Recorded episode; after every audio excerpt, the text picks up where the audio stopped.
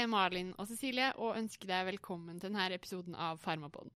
Dette er første episoden i en triologi om psykofarmaka. Det er en samlebetegnelse for legemidler som brukes i behandling av psykiske lidelser. Her finnes det mange undergrupper, og de tre hovedgruppene vi skal ta for oss i hver sin episode, er eh, i del én her antipsykotika. Del to skal vi snakke om antidepressiva, og del tre skal vi snakke om medisiner mot angst. Vanligvis så pleier vi å ha en eh, lengre del om patofysiologien eh, for de lidelsene eh, som vi etterpå snakker om behandlinga for.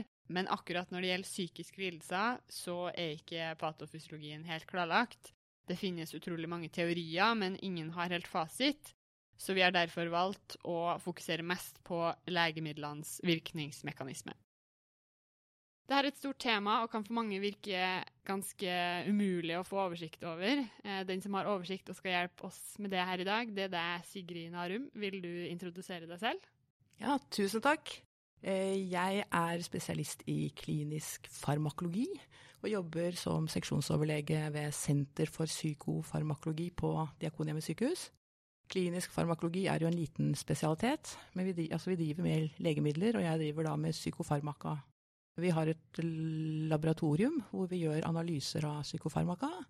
Og så gjør vi også sånne farmakogenetiske analyser.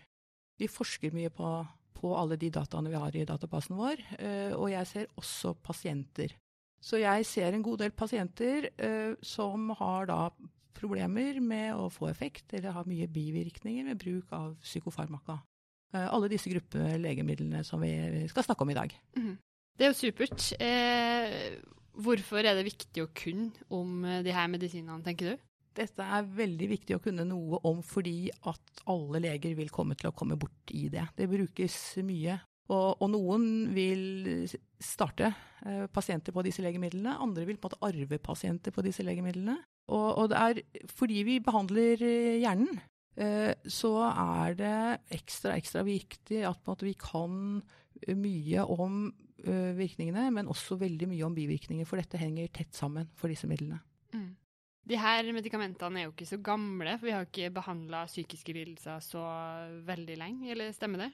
Uh, og Legekunsten og legevitenskapen har jo forsøkt å behandle mye og veldig lenge. Uh, disse midlene kom på 50-tallet, men man har jo forsøkt å behandle lenge før det. Uh, og man har insulinsjokk, og man har barbiturat-koma tvangsmidler, på en måte kuldesjokk. Man har jo behandlet med mye. Eh, så ja. Mm. Eh, antipsykotika brukes hovedsakelig i behandling av psykoser, men hva er egentlig en psykose? Eh, definisjonen av en psykose er at det er en brist i virkelighetsoppfatningen. Og så deler man den gjerne inn i at man kan ha positive symptomer, og så har man negative symptomer. Og så har man tankeforstyrrelser. Mm. Og da på en måte det vi skal snakke om i dag, da, det blir jo den biologiske behandlingen av psykosene. Eh, men dere kjenner jo sikkert til at vi har jo den biopsykososiale modellen for eh, altså psykiske lidelser. Eh, så vi skal liksom bare behandle liksom, Dette blir den ene på en måte, benet i behandlingen. Mm. Så vi må bare være klar over at, at, at det er en begrenset del av behandlingen vi skal se på i dag. Jeg tror psykiaterne eh, sa til oss når vi hadde undervisning at man skulle ikke gi medikamenter uten å gi enten kognitiv atferdsterapi eller noe sånn annen terapi i tillegg, da. Eh, men vi forsto på det også at de her medisinene brukes også for en del andre diagnoser. Ja, vi kaller det antipsykotika. I gamle dager ble det kalt nevroleptika. Eh, på en måte Det påvirker jo på måte nervesystemet. Dette er dempende medisiner. Nå er vi på en måte over i på en måte, Eh, hvordan det virker med en gang. Men altså, antipsykotika er eh, dempende på og, og, hjernen. Så det brukes også på en måte ved urotilstander. Kan brukes ved å dempe angst. Det brukes ved bipolar lidelse, bipolar depresjon. Eh, roende folk. Eh, ikke helt sjelden brukes også ved demens, f.eks. Hos barn, ungdom også med, som er eh, mentalt tilbakestående. Mm. Eh, også for, for, å roe, ikke sant. Ja, ikke sant? U, og at man demper uønsket atferd. Ja. Mm. Vi pleier jo ofte å snakke litt om sånn patogenesen bak sykdommene for å forstå hvordan medikamentene eh, virker. Men hva kan man si om patogenesen bak eh, psykoser og de tilstandene her, da? Ja, da har vi over, nå er vi over teorien, ikke sant. Eh, vi er over i dopaminhypotesen. Mm. Eh, det er en hypotese da, om at det er endret dopamin i eh, sentralnervesystemet som, er, som forårsaker da, disse positive symptomene ved, ved psykose. Mm. Og dere har sikkert sett måte, disse dopaminerge banene i hjernen. Mm. Og det forklarer jo på en måte i stor grad for teorien da, med hvorfor det virker, og hvorfor man har bivirkninger av antipsykotiske medisiner. Ja, ikke sant. Men det er jo viktig å, å, å ikke glemme at dette, vi snakker om teorier, og vi vet jo kanskje mindre om årsaker uh, til disse måte, lidelsene enn for de fleste somatiske lidelser. Så vi må alltid ha i, i bakhodet at, at, vi har ufullstendig kunnskap her. Mm, mm. Eh, hva er egentlig den farmakologiske virkningsmekanismen til antipsykotika? Virkningsmekanismen på alle de antipsykotiske midlene vi har i dag, er at de er dopaminblokkere.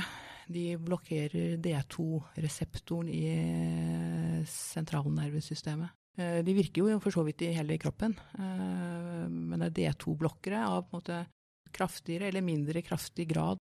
Men så er de ikke så de er ikke så spesifikke som vi kunne ønske at de skulle være. Så de antipsykotiske medisinene vi har på markedet i dag, de blokkerer jo også andre reseptorer. Vi har jo serotoninreseptorene, vi har histominreseptorene, vi har muskarinergereseptorer og adrenergereseptorer. Og de er faktisk ganske forskjellige eh, i hvordan de blokkerer disse reseptorene. Og det forklarer hvorfor de på en måte mellom legemiddel til legemiddel kan ha ganske måte, forskjellige virkninger og bivirkninger hos pasientene. Og dette er ofte noe man da benytter seg av når man skal gi eh, legemidler. Og det er jo påfallende da at eh, Klosapin, hvis vi skal begynne å snakke navn legemiddelnavn med en gang, den vi bruker til pasienter som ikke har effekt av andre legemidler, er jo en av de som egentlig har minst effekt på dopaminblokade og egentlig har bredest effekt på andre eh, reseptorer. Ja, ikke sant. Det forklarer, ikke sant? det forklarer, jo ikke helt eh, dopaminhypotesen. Og da lager man seg hypoteser at kanskje er det undergrupper av pasienter som uh, reagerer på, bedre på det ene og på det andre. Mm. Uh, og det kan godt være. Men da tar man faktisk ikke hensyn til at disse pasientene da har vært behandlet med dopaminblokkere ganske lenge og at kroppen har på en måte tilpasset seg bruken. Du har fått en form for toleranse. Du har fått endring av reseptorer som eh, resultat av eh, antipsykotikabruk. Mm.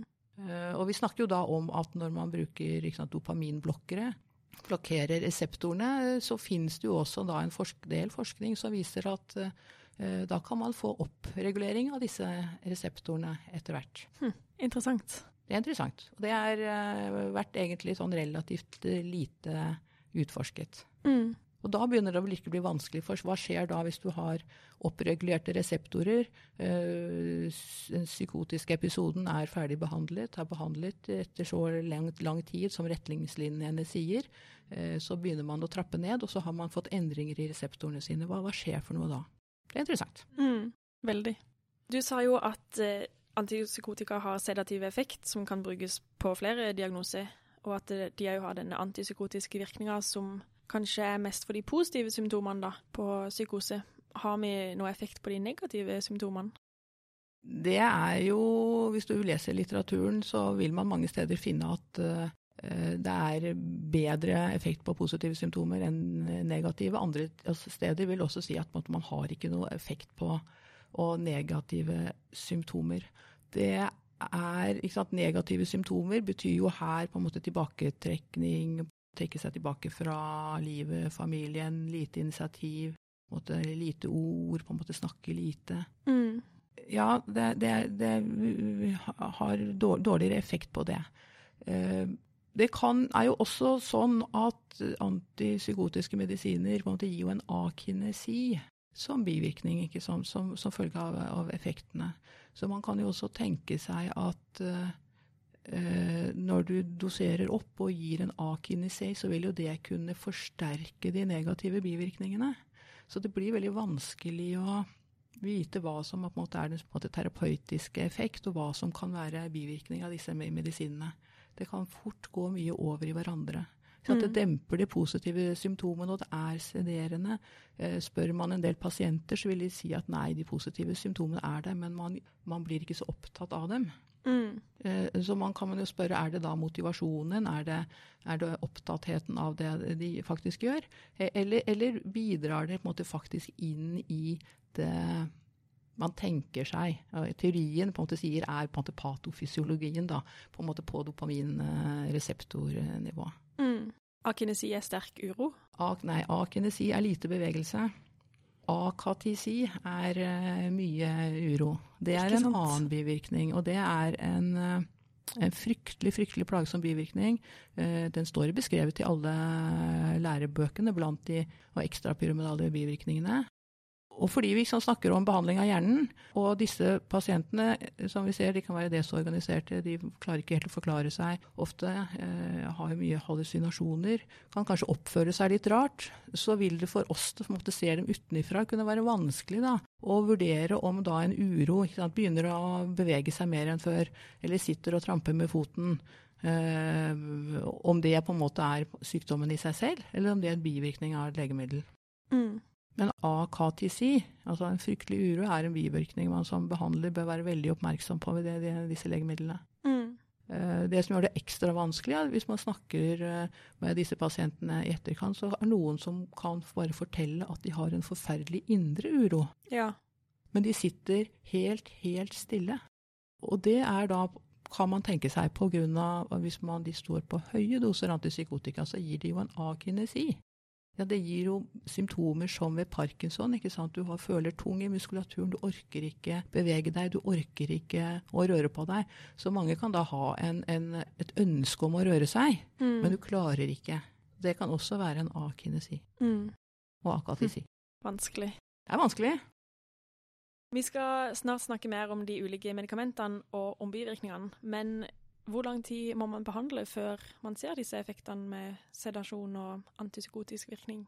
Sedasjon kommer jo med en gang. Eh, ved en akuttpsykiatrisk avdeling hvor mange kommer inn og er urolige, så er det jo den eh, sederende effekten som man ønsker. Mm. Så gir man et legemiddel, ofte Olanzapin, ofte Suprexa, er noe man bruker. Og den er veldig sederende. Og så forhåpentligvis ikke sant, skal pasienten roe seg, eh, samle seg, på en måte få sovet. Mens man ser mer at den antipsykotiske effekten tar lengre tid før den dukker opp. Eh, og som alle vet, så er det jo ikke alle pasienter som har effekt av behandlingen heller. Nei. Men, men i, på en måte, i studier så vil du se at måte, effekten kommer på en måte, når man scorer på disse PANS-skalaene. At du begynner å se etter effekt etter en uke eller to. Mm. Men kan injeksjoner gi raskere effekt enn dette?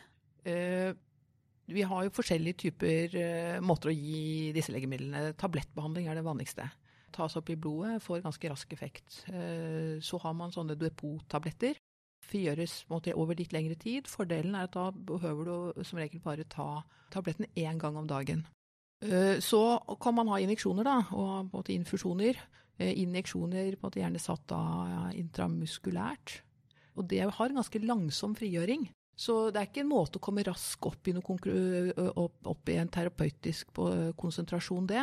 Eh, Der sier vi ofte at det trengs en tre-fire injeksjoner før du når det vi sier er på en referanseområdet. Mm. Så det å gi noe da intramuskulært, eller sånn som cisordinol akutard, det er for den akutte dempingen, altså for den sederingen. Mm. Eh, ikke med tanke på antipsykotisk effekt. OK. Mm. Og kanskje fordi noen ikke vil ha medisiner når de blir lagt inn akutt. Ikke minst. Eh, for det er jo et problem at eh, en del mennesker på en måte ikke har Kanskje de har erfaring og har ikke lyst til å like ikke effekten. Mm. eh, Ønsker ikke ta det en gang til. Og da er jo det et middel som helsevesenet da kan eh, gi eh, medisin mot folks vilje. Mm. Men i helsevesenet så ønsker man jo helst å, å, å få til et samarbeid med pasientene, så de tar tabletter. Og, det er jo absolutt å foretrekke. Ja. Eh, også med tanke på type allergiske reaksjoner. Eh, har du gitt en eh, injeksjon, så sitter jo den der i kroppen ganske lenge. Mm. Eh, får man en allergisk reaksjon eller en veldig plagsom bivirkning, så er det jo mye greiere med en tablett. Som da er ute av kroppen etter i hvert fall eh, redusert konsentrasjon betraktelig etter et døgn og to og tre. Ja, ikke sant. Eh, vi lærte jo at eh, akutt dystoni var en særlig bivirkning når man ga injeksjoner. Ja, det kan man få. Ja. Eh, akutte dystonier, altså på en måte smertefulle muskelsammentrekninger, er jo en kjent bivirkning av antipsykotiske medisiner.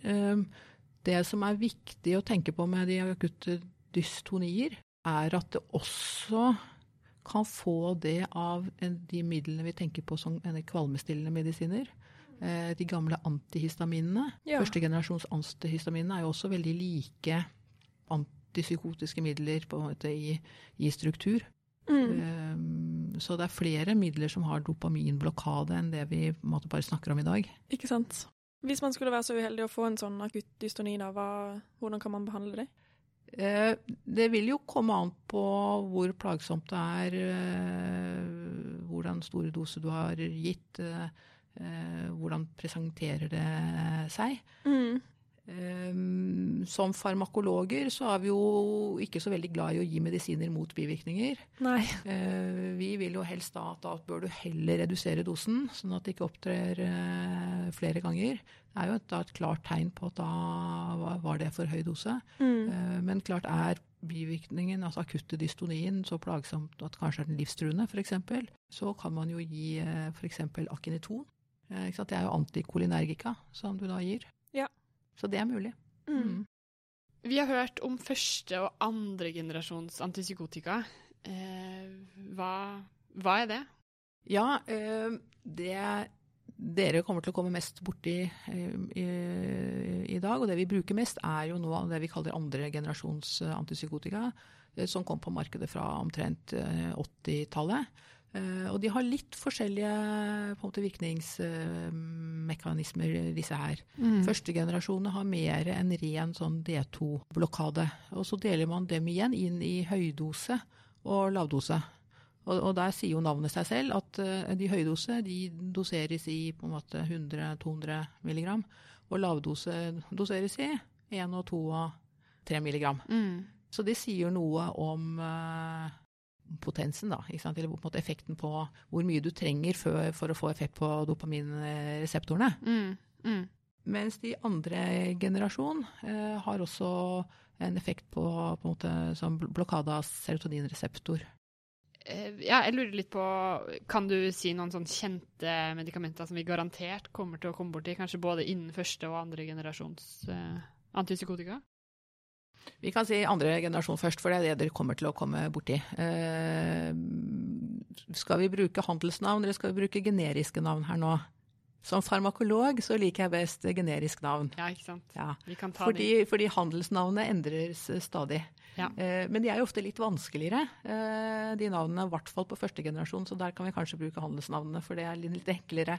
Men andre generasjon eh, er Det dere kommer til å komme borti, er jo Olanzapin. Suprexa eh, brukes mye på akuttavdelingen, er mye brukt. Eh, en som også brukes mye nå, er eh, Aripiprazol, altså Abilify. Mm. Eh, jeg har veldig mange brukere. Den brukes mye også som sovemedisin. Kvetiapin, Seroquel. Eh, Risperdal, Risperidon, er en av de få som er godkjent for barn og unge. Så også mye brukt. Og Amisulprid, Solian, er ikke så veldig mye brukt i Norge. Mer brukt i andre land. Blant eh, første generasjon så er Cisordinolia en del brukt, og gjerne også Truxal. Flangsol, Tilafon er på en måte navn man eh, bruker. Haldol brukes jo også Mm. litt. Eh, men nå da i veldig mye lavere doser enn man gjorde for eh, 20-30-40 år siden. Så hvis man skal sammenligne effekten liksom, mellom nye og gamle, så må man være klar over at man for en god del år siden doserte høyere. Så at man nå til dels eh, bruker lavere doser, så de er ikke nødvendigvis helt sammenlignbart eh, da måte effekter og bivirkninger. Hvis man skal være måte litt sånn kritisk til hvordan sånne studier er utført, så må vi vite det at eh, sånne RCT-er, altså randomiserte, kontrollerte studier som er utført av eh, legemiddelfirmaene de er jo laget med hensikt å få legemidlene på markedet. Mm. Så de er jo designet for at eh, det legemiddelet du undersøker skal komme bedre ut enn sammenligning eller placebo. Og sammenligningsmedikamentet er jo da gjerne et gammelt et som har gått av patent. Altså da les førstegenerasjons antipsykotika, som skal erstattes med noe nytt og bedre. Hvis da de gamle har vært brukt i høyere doser, sammenlignes med et nytt i lavere doser, Mm. så tenker man seg jo da vil det nye komme bedre ut. Mm. Så nå hvis vi skal på en måte sammenligne hva er fordelen med den ene og den andre og tredje, så må vi alltid ta hensyn til hvilke doser man bruker det i. Og så her er det jo øh, høyere doser, mer bivirkninger. Mm. Og så er det, hvis man skal Ja, det er ett legemiddel som jeg har nevnt tidligere, men vi må lese, nevne det, er selvfølgelig klosapin. Som kom ganske tidlig på markedet, som sånn sett liksom blant førstegenerasjonsmidlene. Etter ganske kort tid så var det, fikk man dødsfall pga. agroanulocytose, så det ble tatt av markedet. Men så kom det jo på en måte på markedet igjen som et middel for de som ikke har nok effekt av de andre. Ja. Det kan vi kanskje snakke litt mer om etterpå også. ja, ikke sant. Mm. Vi kommer litt, eh, litt tilbake til det. Ehm, men eh, sånn generelt bivirkninger, hvor annerledes er bivirkningene mellom første og i forhold til andre generasjons eh, antipsykotika? Første generasjon er generelt mer sederende. Så med mindre du tenker på at sedasjon er en ønsket effekt, hvis du heller tenker at sedasjon er en bivirkning, så kan man si at det er mer sedasjon med de uh, første generasjons antipsykotikerne. Og så sies det gjerne at de har mer ekstrapyramidale bivirkninger. Mm. Eh, og det har vært eh, sagt at andre generasjon har mye mindre. Men, men, det spørs om man ser etter bivirkning eller ikke. For det er en god del av pasienter som bruker andre generasjons antipsykotika, som også har det ekstrapyramidale bivirkningen. Ikke sant? Vi snakker om akatisien, vi snakker de akutte dystomniene, mm. parkinsonismen, og så ikke minst de tardive dyskinesiene. da. Eh, og de kan komme tidlig. Eh, har ungdommer som har tardive dysken Hm. Eh, og det er fryktelig vanskelig. Mm. Mm.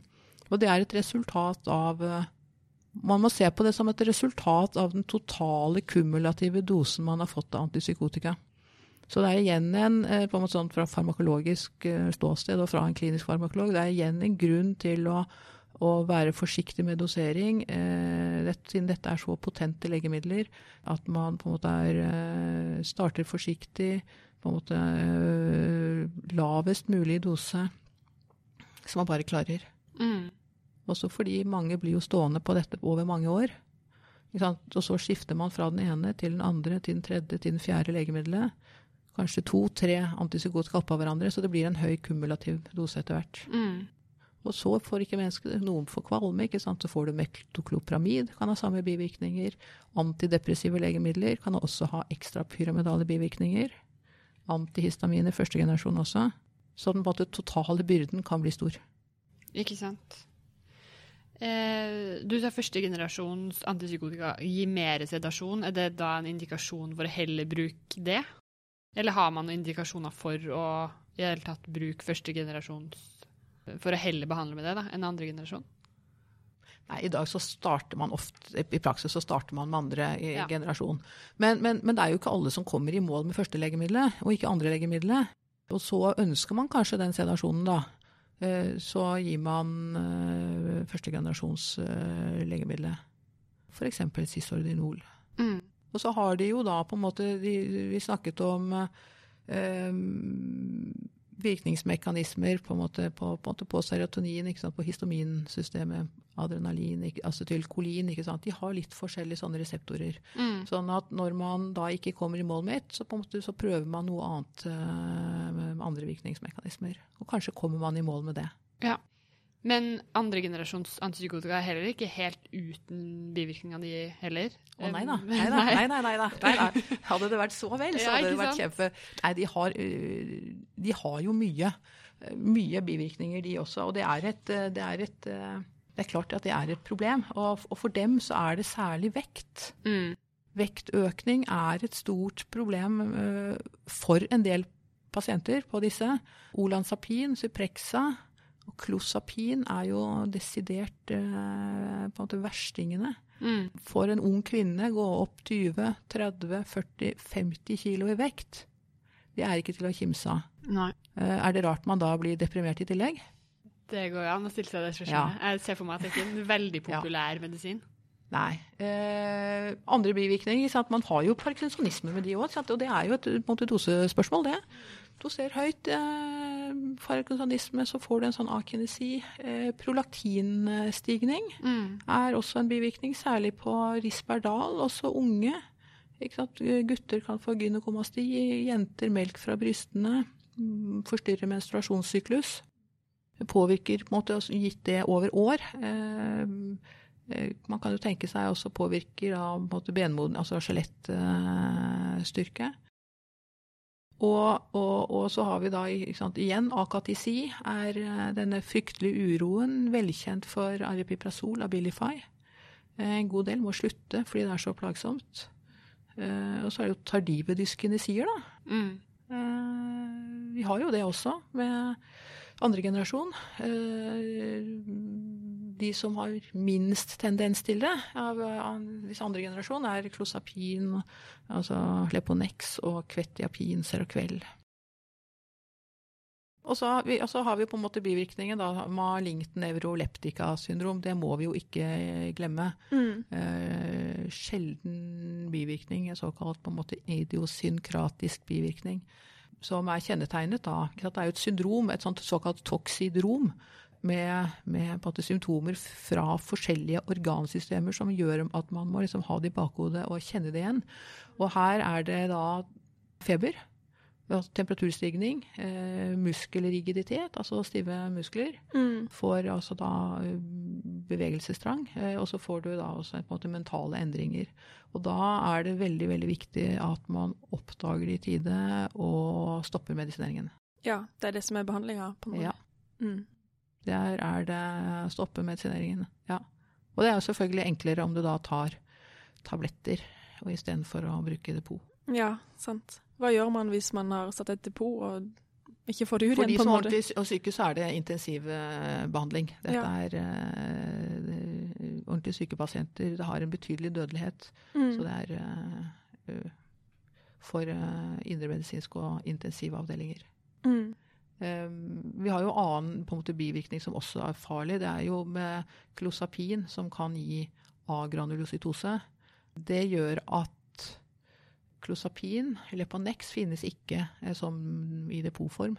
Det må folk eh, da ta i tablettform. Ja. Eh, og det er et, hvis du ser i felleskatalogen, så er det nøye program for oppfølging. Du skal jevnlig måle da hvite blodlegemer, eh, granulocytter, eh, HB. Så det er en, eh, en, en Og så har du på en måte en aksjonsgrense, da. Hvis du, disse granulocyttene faller. Så du kan få på en måte lave granulocytter, så skal du gjøre sånn og sånn. Eh, faller de under et visst nivå, så skal du seponere. Ja. Og det er fordi at du da selvfølgelig er mer utsatt for en infeksjon. Og, hvis man eh, ser måte, i saker fra Norsk pasientskadeerstatning, så er det jo også saker fra Norge hvor da disse pasientene kanskje ikke har vært fulgt godt nok opp. ikke sant? Har falt ut av systemet. Og så har fått da infeksjoner, sepsis, og har dødd av det. Hm. Enda en ting med klosapin. Eh, vi har snakket om agranulocytosen. Den har betydelig tendens til vektøkning. Eh, det tredje er forstoppelse. Er en eh, velkjent og gir kraftig forstoppelse. Og det er vi jo den, på en måte av den antikolinerge bivirkningen. Så de pasientene på en måte har avføring sånn annenhver uke.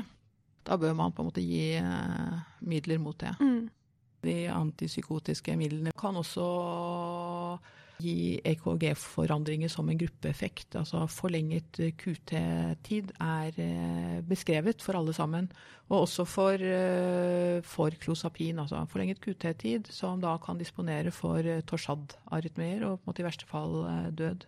Og det er også sett myokarditt og kardiomyopati Mm. ved dette legemiddelet. Og, og måte trombose og emboli. Eh, både sett, eh, det er jo eksempler ved alle sammen.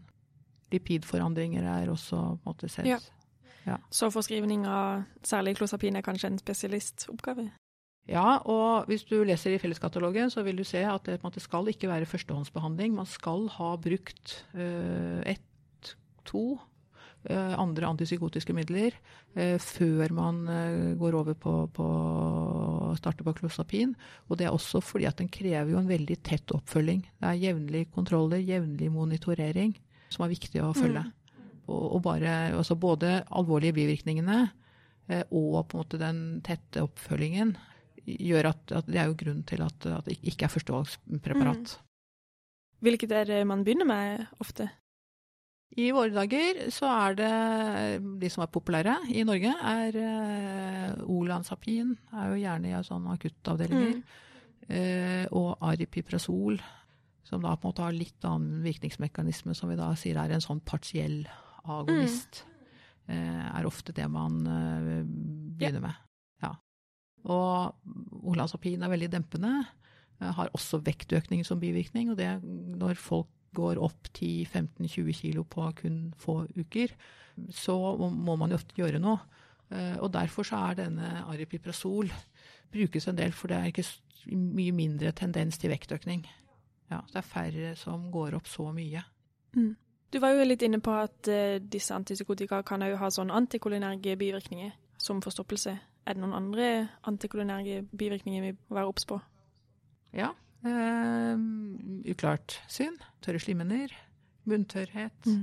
Uh, hos eldre også, på en måte kan man jo da Så snakker vi om forvirring, ikke sant. Mm. Med altså redusert kognitiv reservekapasitet, på en måte delir. Urinretensjon. Ja. ja. Det er mange bivirkninger av ja, mange de. bivirkninger. Mm. Har alle pasientene effekt av disse medikamentene, eller er det noen som ikke har noe effekt? Her er det jo som ellers i medisinen. Det er jo aldri sånn at alle pasienter har effekt. Eh, og vi kan vel si det sånn at på dette fagfeltet, hvor det tross alt er ganske mye vi ikke vet, så har vi nok ikke funnet måte de riktige legemidlene for alle ennå.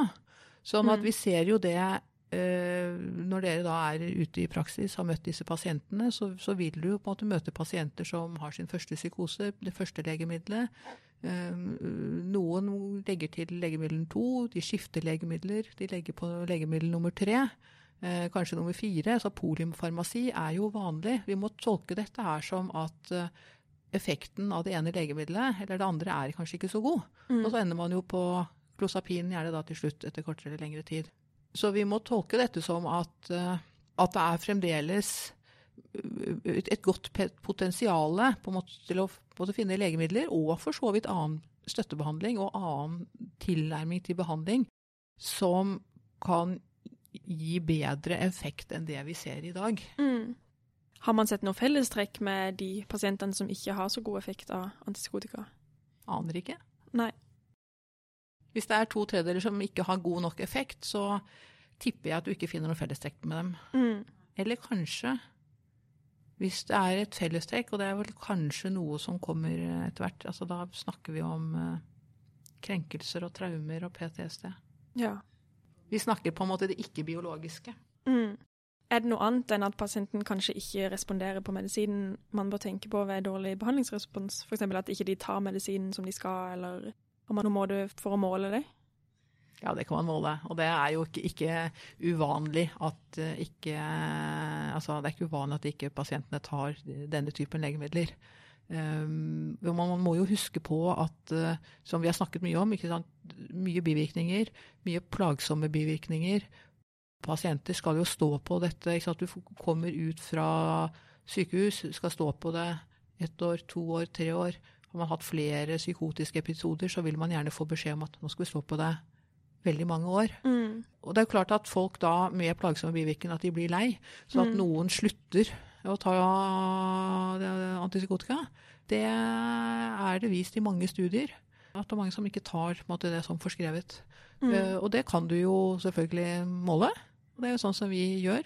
Man måler legemidler i blod. Mm. Og det er jo kanskje lurt å måle allerede måte før du før du mistenker at pasienten ikke tar legemidlene sine. Det ja. er i en god kontroll på at man har sånn omtrent passe legemidler i, i blodet sitt, i hvert fall. Og, og da er vi også over på, på farmakogenetikken eh, og sånn, at, at eh, en del av disse legemidlene eh, metaboliseres via SUP2D6. Eh, disse SUP-enzymene i leveren. Og der er vi jo ganske forskjellige. Mm. Noen metaboliserer raskt, og noen har veldig langsom metabolisme. Så det kan være stor, veldig stor variasjon mellom oss i hvor mye da legemiddel vi gjenfinner i blodet på den samme dosen. Mm. Også når vi på en måte tar det som man skal gjøre. Ja. Og, og for å måte gjøre det enda vanskeligere, så har man jo legemidler som uh, interagerer mer med hverandre, ikke sant? Som Ja. kan enten på en måte hemme eh, SUP-systemene, uh, SUP34, ikke sant? eller sånn du kan på en måte eh, indusere metabolismen. Sånn at du, som på måte speeder opp nedbrytningen. Og da har vi også på en måte SUP3 og 4, som er liksom den store SUP-enzymet.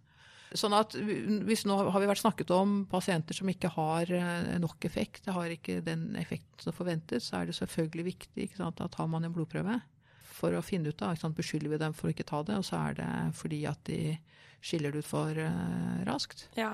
Eh, så ah, kan man ta da en sånn farmakogenetisk analyse Mm. eh, for å da kunne på en måte forklare dette. Se, her har vi forklaringen. Og i våre dager så kan man på en måte gjøre en interaksjonsanalyse måte på interaksjoner.no hvis man bruker flere legemidler. Mm. Så kan man sjekke det. Eh, så selvfølgelig skal disse pasientene ha vanlig klinisk oppfølging. ikke sant? Og så man følger opp med somatiske undersøkelser og man følger opp med EKG og, og sånne ting. Mm. Og hvis man fremdeles ikke har eh, nok effekt, ikke sant, så er man over på ikke sant, tar, eh, så har, man har pasienten riktig diagnose. Ja. Selvfølgelig spør man om det. Mm. De kan kanskje ha annen komorbiditet som kan forkludre Ja. effekten. Ja, og det er jo for så vidt. Og det er ikke uvanlig at pasienter skifter diagnose veldig mange ganger. Så hvis du har sett en, en del pasienter som har en veldig måte, tjukk journal, så vil du gjerne se at de har veldig mye forskjellige diagnoser. Men det er jo egentlig en litt sånn annen, annen sak enn en ren farmakologi, altså. Da er vi jo på på problematikken rundt diagnostisering av psykiske lidelser, og det er jo et, et, et, et stort felt. For i somatikken så er jo all sykdom har jo kan jo måte, kan, Vi kan jo måle og veie ting. ikke sant? Vi kan ta røntgenbilder, vi tar blodprøver, så vi kan se på huden. Eh, Men her så er det jo på en måte pasientens plager og pasientens oppførsel som vi på en måte driver og kategoriserer. Mm. Så vi er en helt annen del av medisinen. Mm. Kan man ofte feiltolke negative symptomer som depresjon? Ja, det kan man vel gjøre. Mm. Jeg tror at det er veldig mye feiltolkning av veldig mye hos disse pasientene. Mm. Eh, Vi tenker jo gjerne sånn enten-eller. At du har enten det eller det. Men det er ikke sånn. Du kan ha både det og det og det. Ja, ikke sant. Helsevesenet er jo laget sånn at vi skal jo lete etter sykdom. Eh, Så hvis du spør en del pasienter, så vil du også de fortelle at de føler seg mistolket og feiltolket. Eh, Du vil også, de vil ofte fortelle at mye av det som står i journalen er direkte feil. Mm. Eh, De sa det ikke på den måten. Og alt tolkes i en på en måte kontekst av type 'du er syk'. Eh, Og vi vet jo også det med oss selv.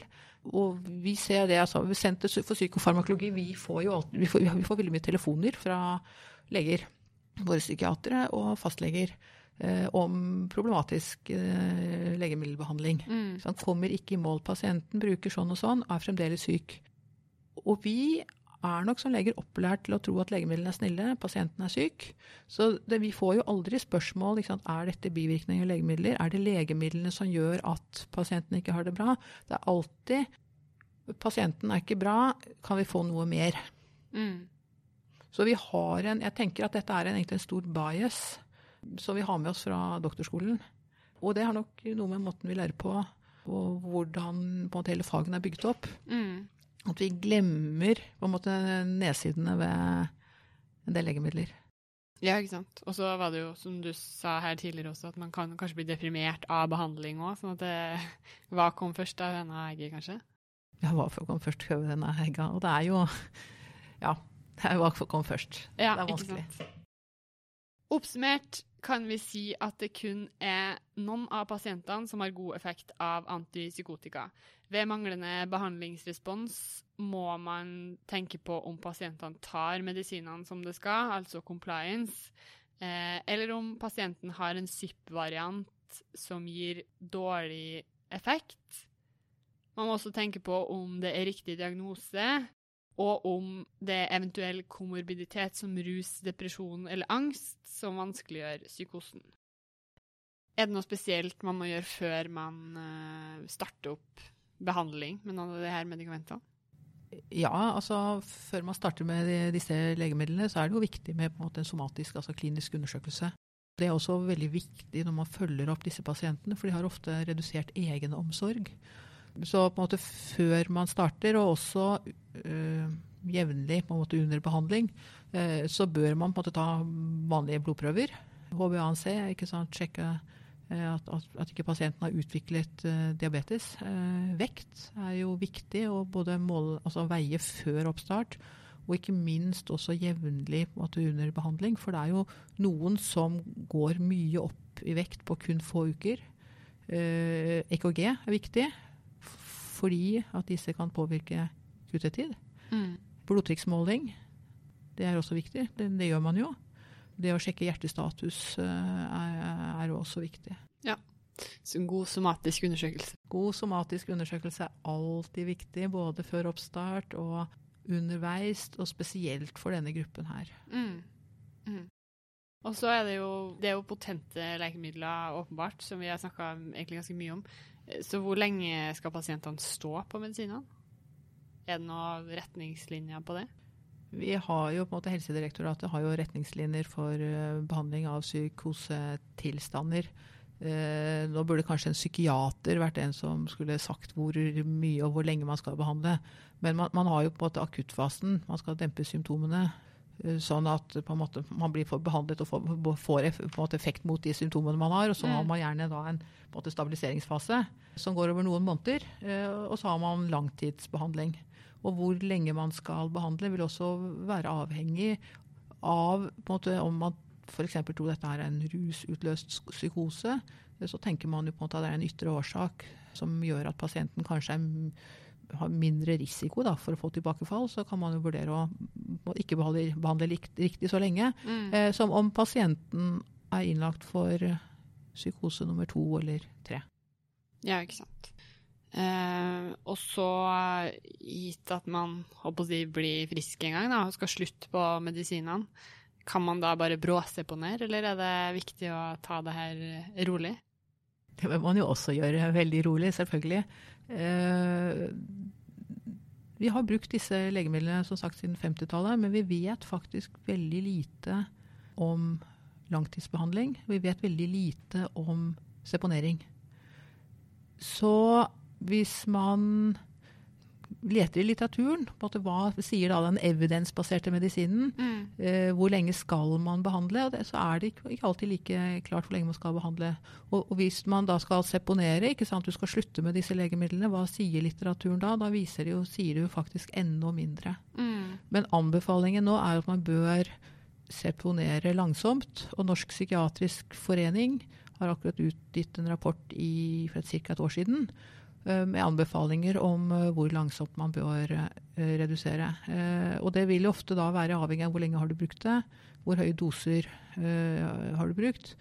Og rent praktisk så, så er det jo liksom tablettstyrkene som bestemmer sant, hvor, hvor store hopp du kan ta ta nedover. Men mm. at det bør gå over noen måneder. Eh, det bør det gjerne. Det er kjent at eh, seponering av klosapin er vanskeligere enn eh, de andre. Og altså, der er det også på størst risiko for en sånn kalt rebound-psykose når man trapper ned. Og så har vi også hørt om et begrep 'drug holidays'. Hva vil egentlig det si? At man skal ta pauser i legemiddelbehandlingen, eh, det er noe begrep som vi for så vidt ikke forholder oss så mye til nå. Okay. Så nå har jeg på en måte snakket at, skal, eh, at man skal seponere, ikke sant, redusere dosen, gjerne over flere måneder. Da er det vanskelig å ta såkalte drug holidays. Mm. Ja. Så det er mer et begrep som man bruker innenfor ADHD-medisineringen. Der er drug holidays faktisk noe man snakker om. Mm. Ja. Og så slår det meg det potente legemidler, og, og man behandler jo her eh, symptomer, egentlig. Man har ikke noe sånn diagnostikk som mange andre, kanskje mer somatiske sykdommer. da.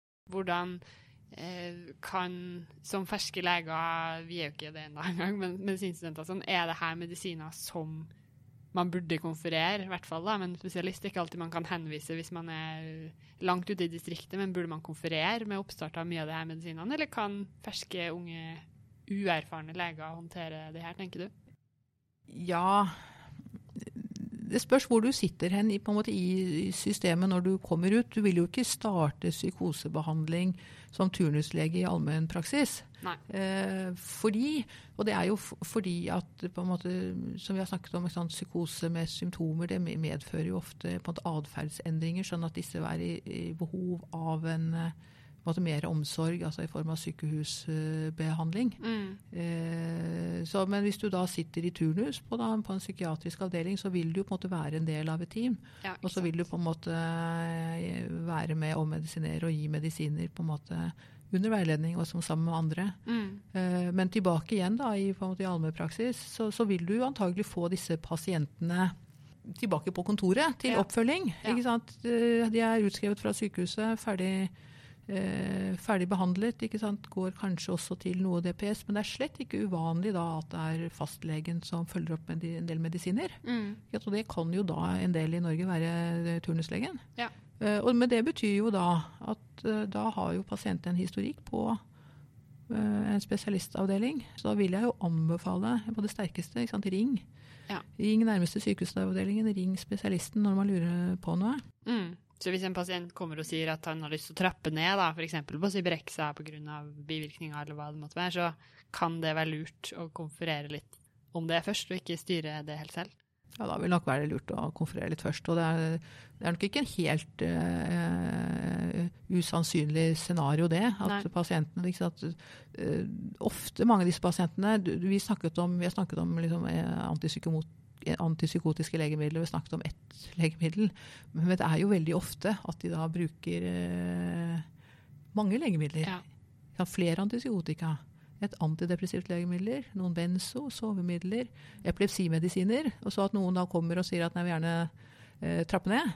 Så tenker jeg at da ville jeg sagt at flott at du kommer og sier det. Her nå må vi måtte legge en eh, plan, og jeg må snakke med noen først. Mm, ja.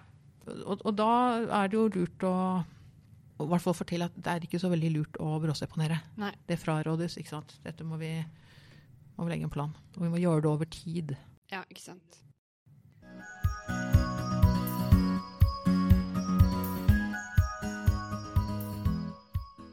Cecilie, er du klar for en eksamen?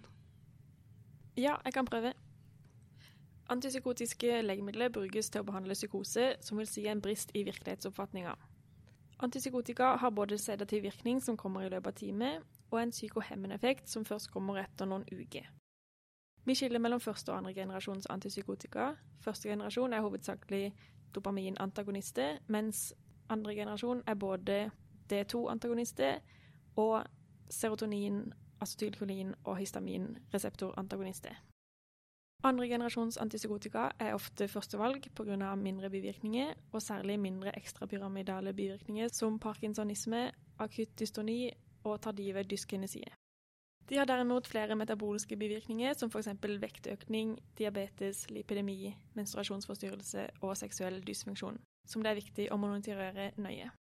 Andre bivirkninger det er viktig å være obs på, er særlig for klosapin, som har alvorlige bivirkninger og er en spesialistoppgave å gi behandling med. Det gjelder kardiovaskulære bivirkninger som forlenga QT10, arytmie, myokarditt, trombose og agranulocytose. I tillegg er det viktig å huske på antikolinære bivirkninger som munterhet, takykardi, forstoppelse og urinretensjon. Pasientene skal behandles lenge, i flere år ofte, og medikamentene skal seponeres svært langsomt. Man skal unngå såkalte drug holidays, altså pause i behandlinga. Det er viktig å huske på at det kun er noen av pasientene som har god effekt av antipsykotika. Ved manglende behandlingsrespons må man tenke på om pasienten tar medisinen, ulike supervarianter, om det er riktig diagnose, og om det er eventuell komorbiditet. Det her var som sagt del én av en triologi om psykofarmaka. I del to snakker vi om antidepressive legemidler, og i del tre om angstdempende legemidler. Vi høres igjen. Ha det bra. Ha det!